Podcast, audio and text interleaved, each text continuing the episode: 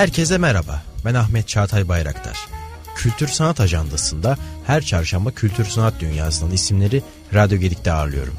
Yeni çıkan kitapları yazarlarından dinlemek, sergilerin sanatçılarıyla bir araya gelmek, etkinliklerden haberdar olmak ve dünya müziğinden seçme parçalarla hoşça vakit geçirmek isteyenler için Kültür Sanat Ajandası her çarşamba saat 15'te Radyo Gedik'te.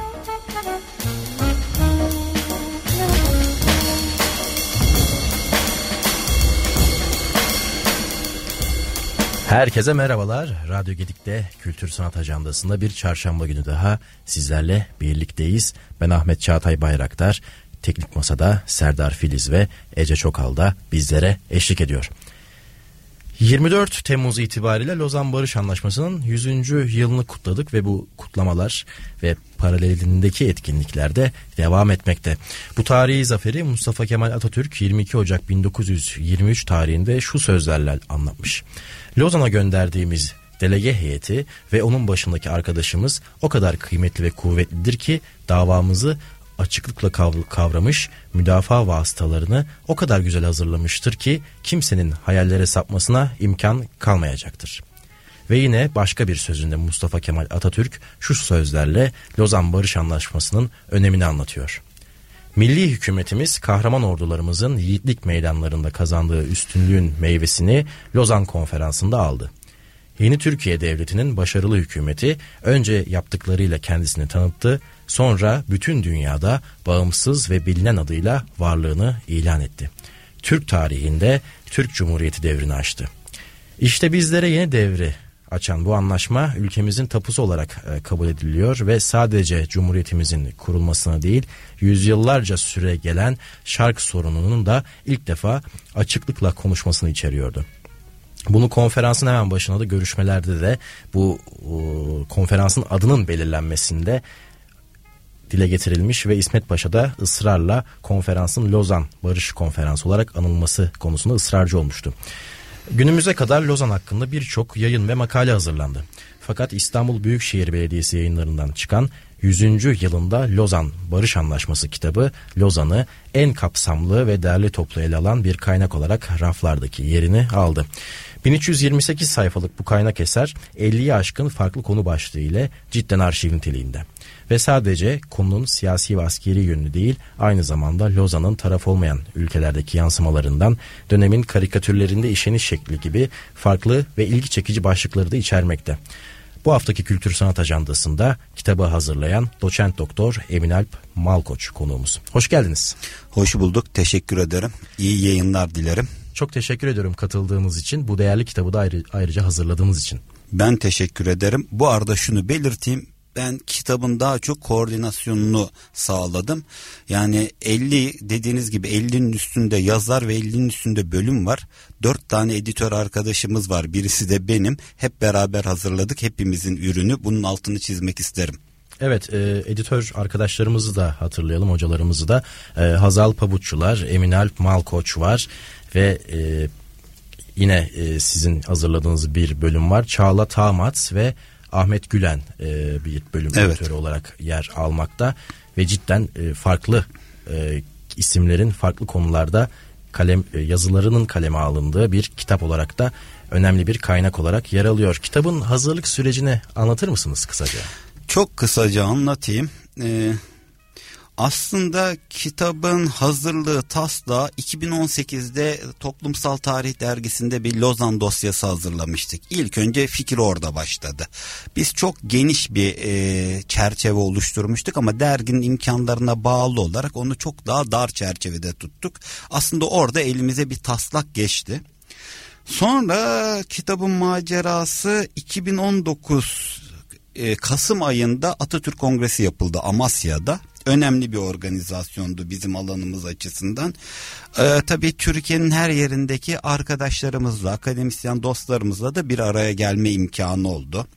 İşte Feyza Kurnaz Şahin var Afyon'dan, İstanbul'dan Serkan Tuna var. Ee, İzmir'den Resul Babaoğlu var. Yine İzmir'den Ahmet Gülen var. Birçok arkadaşımız oradaydı. Ee, biz Ahmet Gülen'le daha önce de böyle bir çalışmada bulunmuştuk. Yine benim editörlüğüm de E, bu işler biraz daha aramızda kalsın sıkıntılı da işler. Ahmet ısrarla benzer bir çalışma yapmamızı istedi ve Lozan'ı yapmamızı istedi. Israr da etti. Düşüncesinin arkasında da durdu. Beni rahat bırakmadı aramızda kalsın yine. Çok iyi. Nihayetinde biz işte 2019 Aralığı ile birlikte olayı düşünmeye başladık. Hani biz dört tane editörüz diyoruz ama aslında bayağı da Fahri editörümüz de var. İşte ismi geçen Feyza, e, Sakarya'da Safiye Kıranlar, hocalarımız var. Sabahattin Özel gibi, Ali Engin Oba gibi eski büyükelçidir. Birçok kişiyle böyle çok uzun süre bir görüş alışverişinde bulunduk. Bu arada kafamızdaki özellikle kafamdaki içeriği de böylece biraz şekillendirmeye başladık. Editör arkadaşlarla da görüştük. Nihayetinde eee genellikle konuları yazabilecek ya da daha önce çalışanlara aslında daha hep konuya hakimlere o hakim akademisyenlere ulaşmaya çalıştık. Böylece içerik ve ekip şekillendi. 30 Ağustos 1920'de de bir maille artık süreci resmen başlattık. Ondan sonra ondan sonra biraz güzel kağıt krizi oldu. Evet. Pandemi yaşadık ama güzel bir sonuca ulaştık. Tabi burada İBB'nin de katkısı oldu. Kitabı yayınlamayı üstlenerek hacimli bir kitap herkesin e, yani o şeyin altına girmesi kolay değil. E, sorumluluğun altına girmesi kolay değil. Bunu da belirtmek gerekiyor. Evet kesinlikle altını çizmemiz e, gerekir. Programın başında söylediğim gibi İBB yayınlarından çıktı kitap ve oldukça da hacimli 1328 sayfadan oluşuyor. E, ve e, Şimdi kitapta da ele alıyorsunuz. Hem girişte hem de bölüm aralarında diğer hocalarımızın yazdığı bölümlerde de var. Ee, Lozan Anlaşması'nın, Barış Anlaşması'nın imzalandığı o temel koşullar nasıl bir ortam, nasıl bir atmosfer vardı Avrupa'da ve Türkiye'de? Şimdi e, ya tabi ister istemez şeye dönmemiz gerekiyor her şeyi. Hani Osmanlı'nın çöküş süreci zaten yüzyıl başlarına kadar 20. yüzyılın başlarına kadar iniyor. Ama burada tabii asıl kırılma Dünya Savaşı dönemi. Ee, Dünya Savaşı bitti. Yani şunun altını çizelim. Yani Osmanlı sonuçta bu işten öyle ya da böyle etkilenecekti. Hı hı. Ama ona da hazır değildi ve ona da o sürece de bir şekilde dahil oldu. Sonuçta kaybetti. Tarihler 1918 sonbaharına kadar geldi. Ama bu arada şöyle de bir durum var. E, dünyada ciddi değişiklikler oldu. Birinci Dünya Savaşı bittiğinde mesela imparatorluklar düzeni artık bitti. Daha çok ulus devletler ön plana çıkmaya başladı.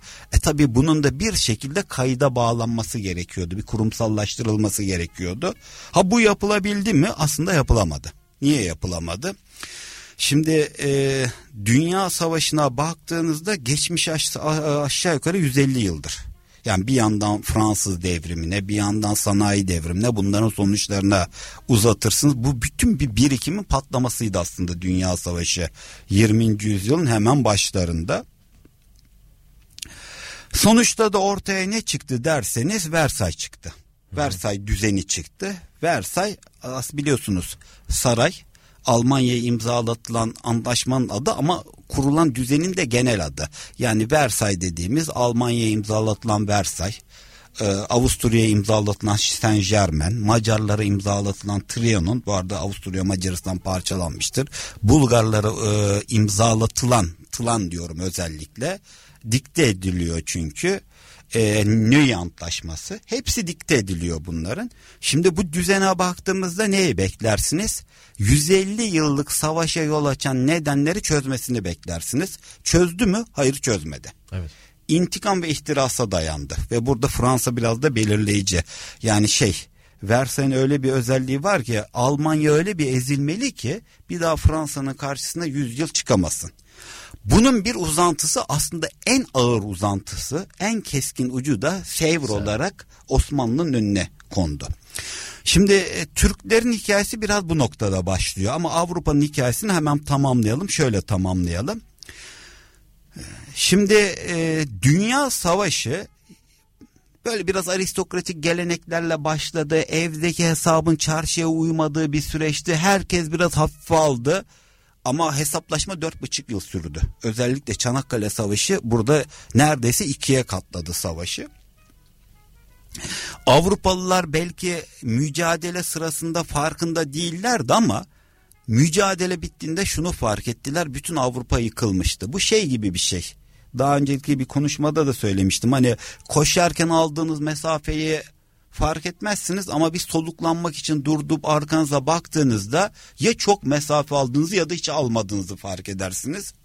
Avrupa'da arkasına dönüp baktığında yıkılmış bir dünya ile karşılaştı ve savaş korkusu patlak verdi. Şimdi bir tarafta savaş korkusu, bir tarafta ihtiras ve intikam, bir tarafta Versay. Böyle bir atmosfer aslında var dünyada.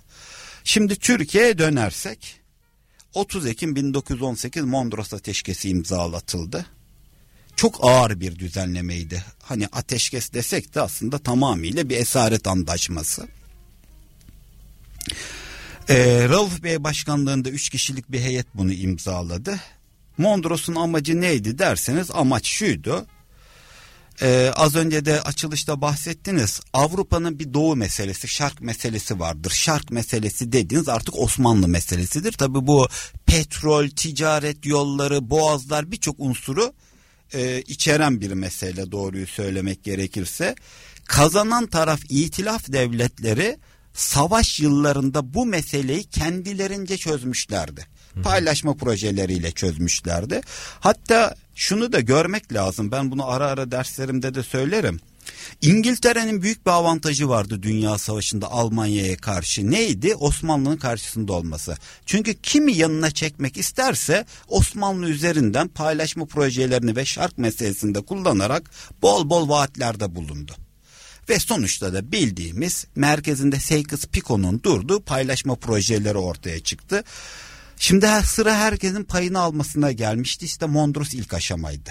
Mondros paylaşma projelerine uygun elde kalan son öz ülkenin Anadolu'nun da paylaşımını içerecek şekilde Anadolu'nun kapılarını o meşhur 7. ve 24. maddeyle ardına kadar işgallere açtı ve işgaller gerçekleştirildi.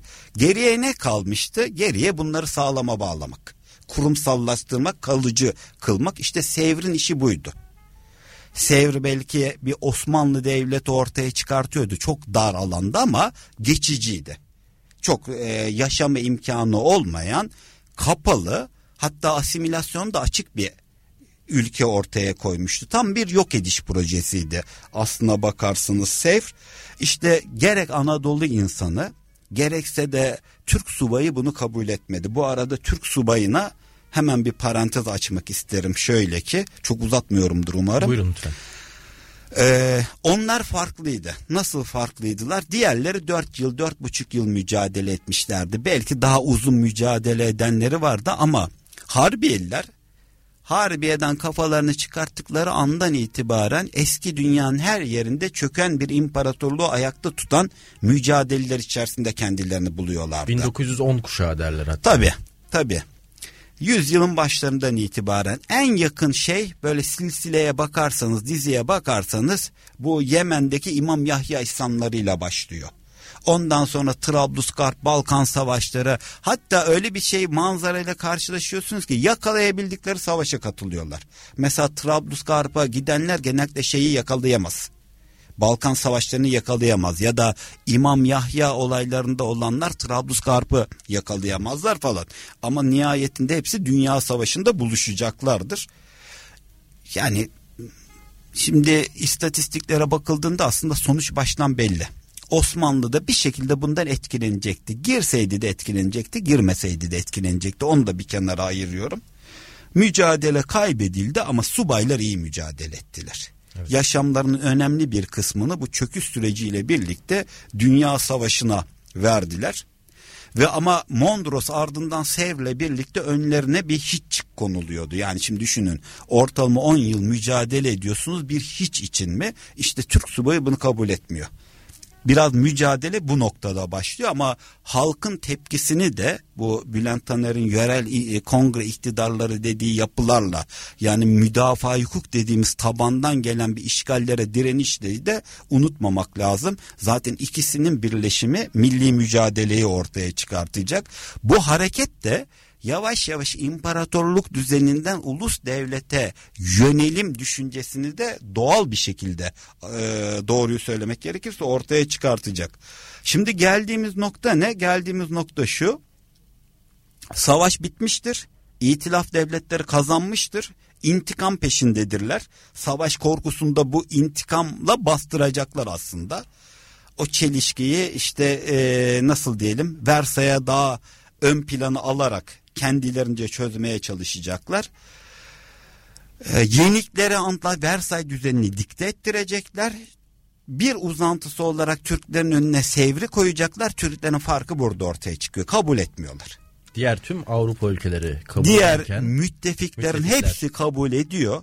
Ya Almanya dediğimiz bu arada yani 1910'lu yüz- yıllarda yüzde yüz okuma yazma oranına sahip bir coğrafyadan bahsediyoruz. Yani belki kağıt üzerinde İngiltere dünya lideridir ama gerçekte hangisinin dünya lideri olduğu biraz tartışmalı doğruyu söylemek gerekirse. Çünkü Prusya prensliği merkezli bir imparatorluktur. Prusya'dan imparatorluğa dönüşümü sağlamıştır. Alman ekolü zaten büyük ölçüde Prusya'da toplanıyor. Almanlar dahil zaten Türklere hayranlıkları biraz burada başlar Atatürk hayranlığı da. Türkler kabul etmezler. Onlar şartlara boyun eğer. Türkler boyun eğmezler ve müthiş bir inançla. Mesela 1921'in ilk aylarında hakimiyeti milliyede Muhittin Birgen şunu yazmaktadır. Aklımda kaldığı kadarıyla aktarayım. Şubat Mart aylarında bu Londra konferansı gerçekleşir. İki İnönü Savaşı arasından bahsediyoruz. Tabi bu basında Türklerin barışı ya da Doğu dünyasıyla barış falan diye hem Avrupa'da hem İstanbul gazetelerinde lanse ediliyor. Muhittin Bey şöyle diyor. Bu bizim barışımız değil diyor. Biz diyor mücadele edeceğiz. Yunanlıları yeneceğiz. Herkesi ülkeden kovacağız. Kendi barışımıza ulaşacağız. Kendi barışımızı oluşturacağız diyor. Adeta daha 1921'den iki yıl sonrasının Lozan'ını tanımlamaktadır. Bakın bu hem düşünceyi hem o düşünceye hedefi olan inancı göstermesi bakımından hayranlık uyandırıcı bir yazıdır. Ben yine bunu bu bahsettiğimiz dergilerde Lozan'la ilgili e, şeylerde araya serpiştirmeye çalışmıştım. Bu çizgide Türkiye mücadelesini sergileyecek ve evet hayranlık uyandıracak bir mücadeledir. En önemlisi hani dediğiniz ya durum nasıldır? Ee, diğerlerini yapamadığını yapmaktadır. Türkler diğerlerinin yapamadığını yapmaktadırlar. Savaşta da Atatürk, Mustafa Kemal Atatürk öncülüğündeki bildiğimiz e, Milli Mücadele Kurtuluş Savaşı dizisinin de kırılma noktası hepimizin bildiği gibi işte iki yıl önce 2022'de yıl, e, 100. yılını kutladı- ku- kutladık 30 Ağustos zaferidir. 30 Ağustos zaferinden sonra Mudanya Ateşkesi imzalanacaktır. Mudanya Ateşkesi'nden sonra sıra artık Türklerle yeni dünya düzeninin içindeki e, yerinin, Türklerin yeni dünya düzeni içindeki yerinin belirlenmesine sıra gelecek. Tabi bunu gözetirken Türkiye'de imparatorluktan ulus devlete doğal da bir e, dönüşümün olduğunu da unutmamak gerekir. İşte Lozan e, biraz bu an, bu açıdan da önemli olacak. Bu anlamda bu açıdan da önemli olacak. Bir taraftan imparatorluğun tasfiyesi, bir yandan yeni üniter bir ulus devletin kuruluş süreci Lozan'ın bir anlamda özeti olacak.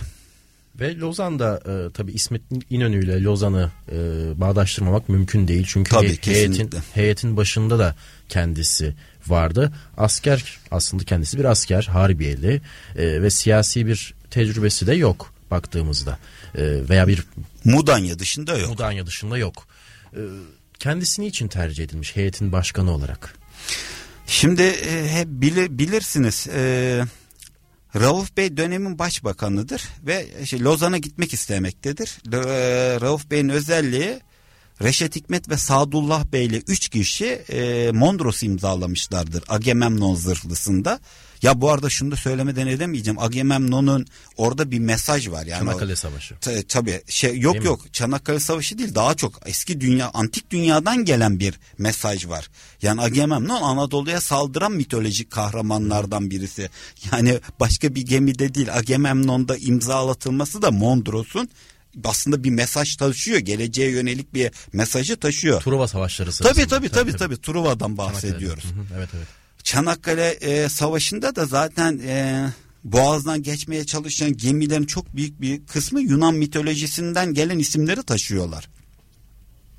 Şimdi Rauf Bey bunun bir karşılığını almak şeyinde. Tabii bunun bunu imzalamanın sorumluluğunu bir üstünde taşıyor.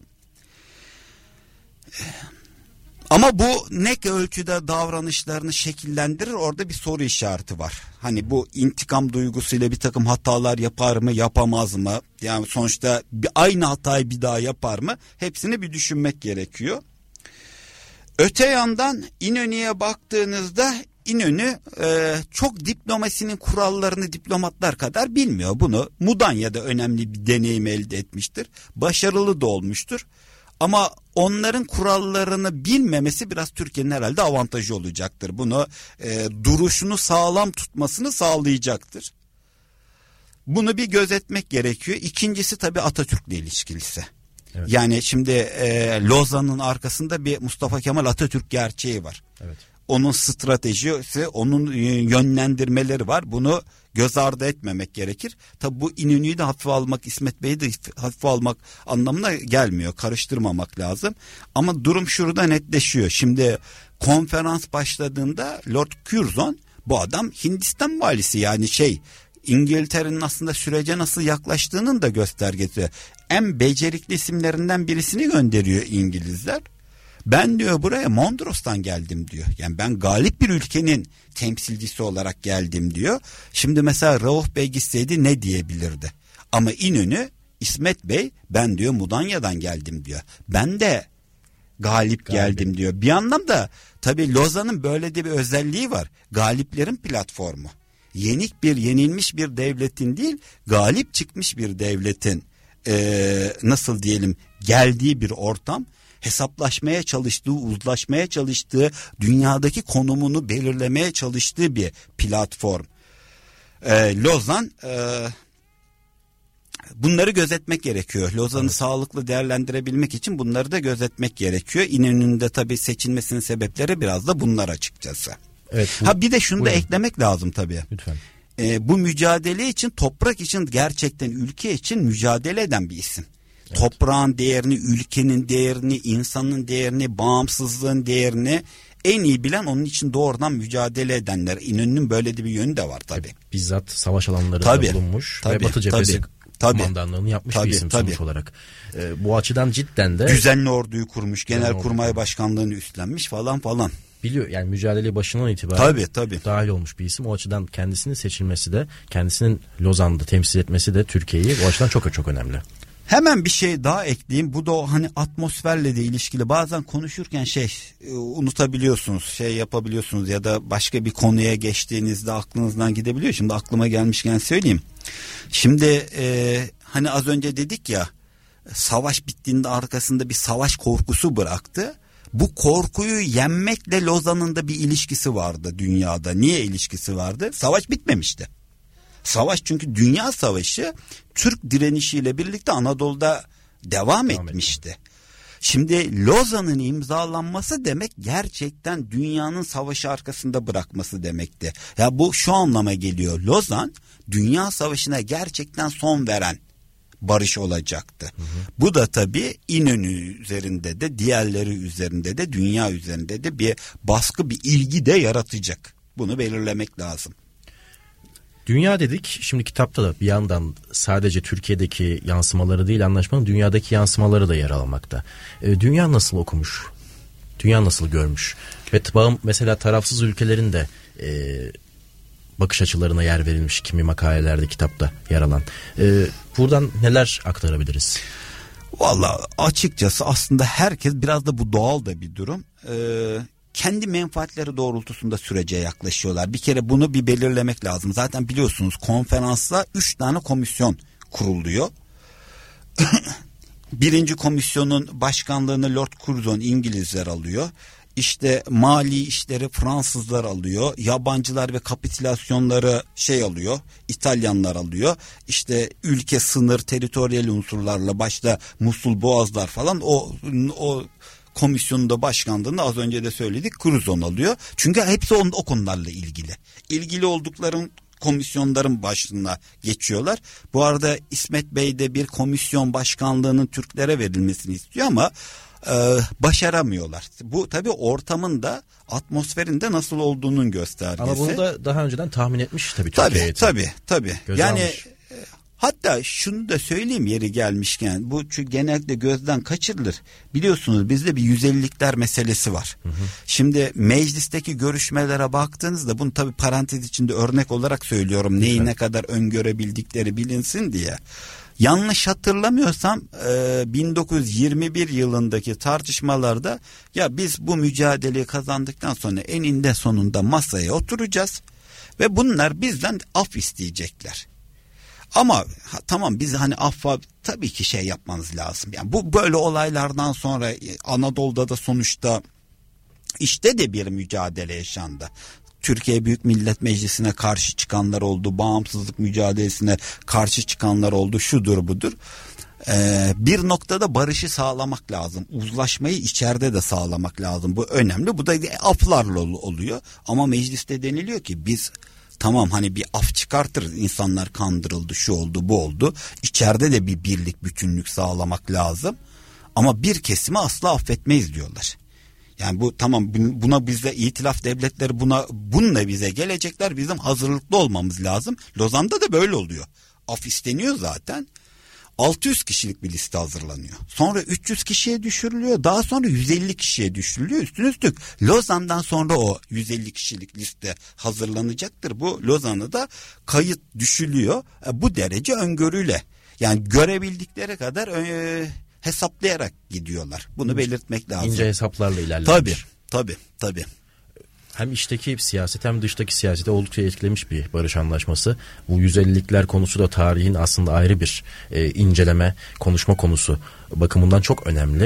E, ve o yıllarda e, şimdi günümüzde aslında kimi tartışmalar da var. E, tabii bunların bilimsel değerden çok çok uzak olduğunu e, belirtmeye hiç gerek yok. O yıllarda mesela hem mecliste hem de o yıllardaki basında, Türk basınında e, Lozan'ındaki kazan- kazanımlar ne ölçüde görülmüş?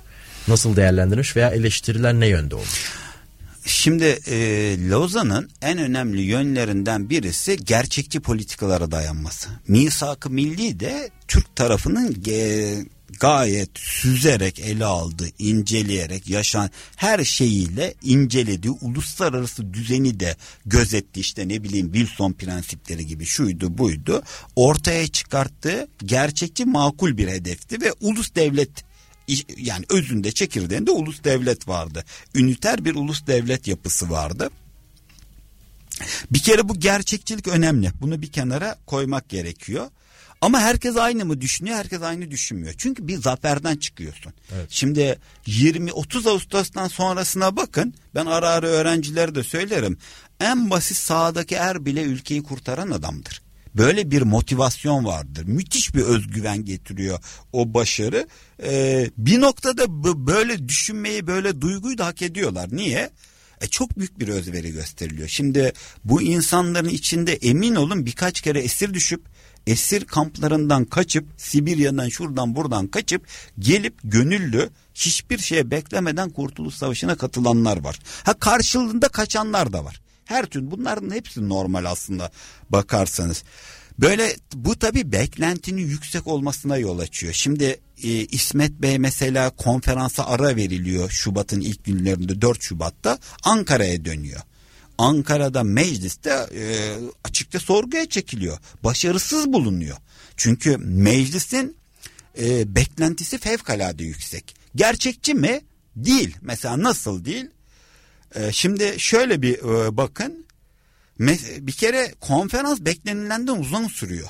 E, siz orduyu beslemek zorunda kalıyorsun. Tam hani dışa karşı hakikaten caydırıcı. İngilizler bile ordunun duruşunu rahatsız edici buluyorlar. Çünkü savaştan çıkmış galip motivasyonu yüksek bir ordu İstanbul'a yürümelerinden Trakya'ya yürümelerinden falan bir takım çekinceleri var. Bunlar kamuoyuna yansıyor. Ki hali hazırda Trakya'da İngiliz işgali altında değil mi? e, Yunan işgali, Yunan işgali altında. altında. Hay şu var şey tabii e, Mudanya'dan sonra o biraz değişiyor. Biraz şeyde. daha hafifletiliyor. E, işi el değiştirmeye başlıyor. Yavaş yavaş Türkiye'ye teslim hazırlıkları falan bitiyor. Gerçekleşiyor onlar ya, alınıyor ama İstanbul işgal altında. Trakya'yı bırakın İstanbul işgal altında. Tamam siz Doğu Trakya'ya Mudanya ateşkesine uygun bir şekilde devralıyorsunuz ama İstanbul işgal altında. E sonuçta da zaten savaşın sonucunu da bağlamış durumda değilsiniz. Onun için antlaşmayı e, imzalamanız gerekiyor. Dış dünya ile ilişkilerini düzenlemeniz gerekiyor. E, orduyu ayakta tuttuğunuz sürece de beslemeniz de gerekiyor. E, o kadar Ankara'nın mali şartları ona uygun değil. Bir an yani önce bir an önce terhisin sağlanması gerekiyor. E insanlarda ne kadar motivasyonu yüksek olursa olsun yıllardır savaşıyorlar. Onların da buna ihtiyacı var. Sonra mesela başka bir mesele var. Siz savaştan galip çıktınız. Ankara savaşın başkentiydi. Hakikaten mükemmel. Hiç büyük başkentlerin yapamadığını yapmış. Gerçekte başkent olmamış pratik bir başkentti. Artık İstanbul'u devralacaktı. Mesela İstanbul'un getirdiği mali bir yükümlülük de vardı. Şehir tekrar imar edildi. Ee, yani İstanbul başlı başına bir maliyetti. Yani Ankara'nın bütçesi kadar neredeyse İstanbul maliyet getiriyordu. Bunların hepsini e, tabii yönetim kadroları düşünmek zorunda. Şimdi ikinci şeye geldiğimizde Ağustos 1923'e geldiğimizde mesela e, Şükrü Kaya gibi Şükrü Kaya'nın özelliği delegasyonun içerisindeydi. Lozan delegasyonunun. Meşhur e, Milli Eğitim Bakanı Mustafa Necati gibi isimler Lozan'a onay vermediler. E, niye? Musul nedeniyle. Yani orada evet e, Musul meselesi önemli bir şey olarak e, görüyorlar. Kayıp olarak görüyorlar ve kabul etmiyorlar Lozan'ı. Bakın bunlar dikkat çekici isimler. Evet. Bunlar tabii farklı görüşleri ortaya koyması bakımından önemli. Ama bunu değerlendirirken şunu da görmek lazım. Musul petrol hacı hacmiyle, rezervleriyle, potansiyeliyle birlikte Dünya Savaşı'nın nedenlerinden birisi. Paylaşım projelerinin ana noktalarından birisi. Ve hani e, Lozan eleştiriliyor. Nasıl eleştiriliyor? Bazı meseleleri öteledi. Ne gibi? Mesela mübadele efendim ama en önemli öteleme meselesi bu Musul meselesi, borçlar meselesi falandır. Diğerleri yine kağıt üzerinde öteleme olsa bile bir ölçüde bağlanıyor. Ama Ankara'nın buna ihtiyacı var ötelemeye. Aslında iki tarafında ihtiyacı var. Çünkü o meseleyi çözecek noktada hazır değillerdir. Mesela Türk tarafı için Musul dolayısıyla Türkiye-Irak sınırının ötelenmesi önemli. Niye önemli? Zaman kazanırız, güçleniriz diye bakıyorlar. Benzer bir bakış açısı öteki tarafta da var. Ama bir yandan da baktığınızda herkesin üstünde bir barışın sağlanması baskısı var dünya kamuoyunun. Ha bu arada tabii dünyada şey önemli bir odak Lozan. Zaten Lozan bir ölçüde baktığınızda bu süreçte oteller doluyor, ciddi bir canlılık, bütün ajanslar, gazeteler e, oraya akıyorlar, gazeteciler oraya akıyorlar. E tabi lobiler harekete geçiyor. Bir böyle bir canlı boyutu var ama konferans açısından bakıldığında belli bir gerilim, belli bir baskı boyutu var. Ama tabi dünyada bundan da ibaret değil. Evet. Yani e, bunun dışında da gelişmeler var. Biz bunu özellikle bu son e, toplumsal tarihteki sayımızda örneklemeye çalıştık. Mesela Ahmet Emin Yalman gelir Lozan'da bir gece durur ondan sonra İsveç'te bir basın konferansına gider. İskandinavya'da bir basın konferansına gider. Bu arada dünyada önemli olaylar da gerçekleşmektedir açıkçası. Onlara paralel olarak da bunlar takip ediliyor değil mi? Tabii tabii tabii tabii. Baktığımızda e, kitapta da hani Avrupa basınının yanında mesela çok ilgincime gitti Japonya da bu e, ele alınması Lozan'ın çok e, ilginç bir detay olarak aklımda kaldı. Galip devletlerden birisiydi. İtilaf blokunun temel faktörlerinden birisiydi. Biz hepsinin bakış açısını ortaya koymaya çalıştık kitapta. Tarafsızları da örneklemeye çalıştık. Mesela İspanya, İspanya kendi iç meseleleri doğrultusunda yaklaşıyor. Bir noktadan sonra haber olarak aktarıyor ama çok şey yapamıyor. Nasıl diyelim? Kendi iç meselelerine odaklanmak durumunda kalıyor. Bu bir örnek aslına bakarsanız Evet. dünyadan nasıl yaklaşıldığı için. İsveç önemli. İsveç kapitülasyonların peşinde. Bu arada yeni Türk Devleti ile bir ilişki oluşturmaya çalışıyor. Hatta Amerika ile bir bağ kurulması için aracılık rolünü üstlenmeye çalışıyor. Çünkü ülkenin yeniden imarı için Türkiye'nin şeye e, nasıl denir paraya ihtiyacı var finansmana ihtiyacı var ama onlar da umduklarını bulmuyorlar yalnız onlar da Lozan'dan bir ölçüde memnuniyetsiz bir ölçüde memnun ayrılıyorlar. Neden memnuniyetsiz ayrılıyorlar? Besledikleri ayrıcaklara kavuşamıyorlar. Hı hı. Neden memnun ayrılıyorlar? E boğazlar meselesi çözümleniyor. Üzerlerindeki Kuzey Denizi'ndeki baskı üzerlerinden kalkıyor. Rusya'nın baskısı azalıyor gibi. Ve e, kitapta da e, tabi basına da yer veriyorsunuz. E, diplomatik hamlelere de yer veriyorsunuz. Peki kamuoyunda yani Avrupa kamuoyunda veya bu savaşın içerisinde yer almış halkların e, gözünden nasıl aktarabiliriz Lozan'ı? Yani onlar da bir barış artık barış olsun veya bir Türkiye'ye yıllardır vermiş olduğu mücadeleden dolayı bir sempati söz konusu mu? Şimdi onu şöyle örnekleyeyim. Çünkü Ankara'dan arkadaşımız Esra Keloğlu işlerle birlikte o da iletişim fakültesinde Hacı Bayramı Veli. Ee, beraber bu İsviçre'ye biz çalışmıştık. Oradan örnek vereyim. Mesela Türk heyeti ilk gidişinde e, Lozan'da çok olumlu karşılanmıyor. Niye? Eski Osmanlı azınlıklarının başta Ermeniler arkasından Rumlar bunların lobilerinin çok etkin olduğu bir şehir Lozan. Dolayısıyla Türk tarafına pek sıcak bakılmıyor. Ama Türk tarafı İsmet Bey ve Türk heyeti verdikleri mücadeleyle birlikte bu arada kendilerini tanıtacak birimleri iletişim organizasyonlarında gerçekleştirme ihmal etmiyorlar. İsmet Bey sağda aslında sadece konferansta siyasi bir delege olarak mücadele etmiyor. İletişim alanında da belli şey, sorumlulukları üstleniyor, yürütmek zorunda kalıyor ve aslında başarılı hamleler de gerçekleştiriyor. Nitekim sürecin sonuna gelindiğinde 8 ay sonra Türk heyeti artık Lozan'da bir kahraman olarak görülmeye başlıyor. Bunun altını kitapta özellikle çizdik. Hatta bu son şeyde de çıkarttığımız dergide de Toplumsal, Toplumsal Tarih, Tarih Dergisi'ndeki dosyada da altını çizdik bunun. E, Toplumsal Tarih Dergisi'ne de biraz değinelim o halde. E, en son olarak Lozan'ı ele aldınız. E, bu Temmuz sayısı için değil mi? Temmuz sayısı için. Hı-hı. Şey ya ta, o tabii biraz e, biraz da işin trajik boyutu da var açıkçası. Toplumsal tarih denilince tabii akla Zafer Toprak Hoca geliyor. Kendisinin anıldığı da bir e, bölüm. Ke, evet öyle bir sayı oldu açıkçası. Ee, ben ilk toplumsal tarihe benzer bir dosya 2018'de yapmıştım. Hı hı. Valla şimdi e, tam e, kendilerine neler konuştuklarını bilmiyorum ama sonuçta yine bizim hazırlamamız konusunda bir anladığım kadarıyla eğilim ortaya çıktı. O zaman hoca da hayattaydı. Biz de çalışmalara başladık. Zaten elimizde de hazır çalışmıştık. Kitap açısından da bu iyi olacağını düşündük ama kitaba da aslında şey kalmadık. Nasıl diyelim? Bağlı kalmadık. Hı hı. Aslında bir ölçüde kitabın biraz özeti, tanıtımı bir ölçüde de tamamlayıcısı oldu o dosya.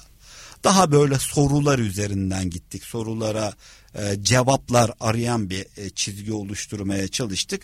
Bu arada 3 Haziran'da Zafer Hoca'yı kaybettik. Onun içinde bir anma vesilesi de oldu açıkçası. Evet Toplumsal Tarih Dergisi'nde eğer Lozan Barış Anlaşması'nın 100. yılı için e, özel olarak okuma yapmak isteyenler için tavsiye edelim bu Temmuz sayısını. Son olarak 100. yılında e, Lozan e, dünya basınında veya dışarıda nasıl görünmekte, nasıl değerlendirmekte, literatürde nasıl okunmakta? Bununla programı kapatalım hocam. Valla Lozan'ın ya Lozan'ı anlamanın en basit yönlerinden birisi bu program başında da söyledik Versay düzeniyle karşılaştırmaktır. Şimdi bakıldığında Versay düzeni bir dayatma. Emperyalizme hizmet ediyor. E, galiplerin hegemonyasına hizmet ediyor. Karşı tarafı zaten hiç dikkate almıyor. E, Nazilerin ortaya çıkmasını da sağlayan bir faktördür. E, savaşın sonunu bağlamıyor. İkinci savaşın önünü açıyor. Hatta şimdi 100 yıl bittiği için 100 yıl değerlendirmelerinde 20. yüzyıl değerlendirmelerinde 20. yüzyıl eşittir savaş yüzyıldır. Tek bir büyük savaş vardır. 14-18 20'ler 30'lar ateşkes, uzun ateşkes 39-45 47'den sonra da Soğuk Savaş 90'lı yıllara kadar. Aslında bunlar da gerçekten bir bütünlük arz ediyor.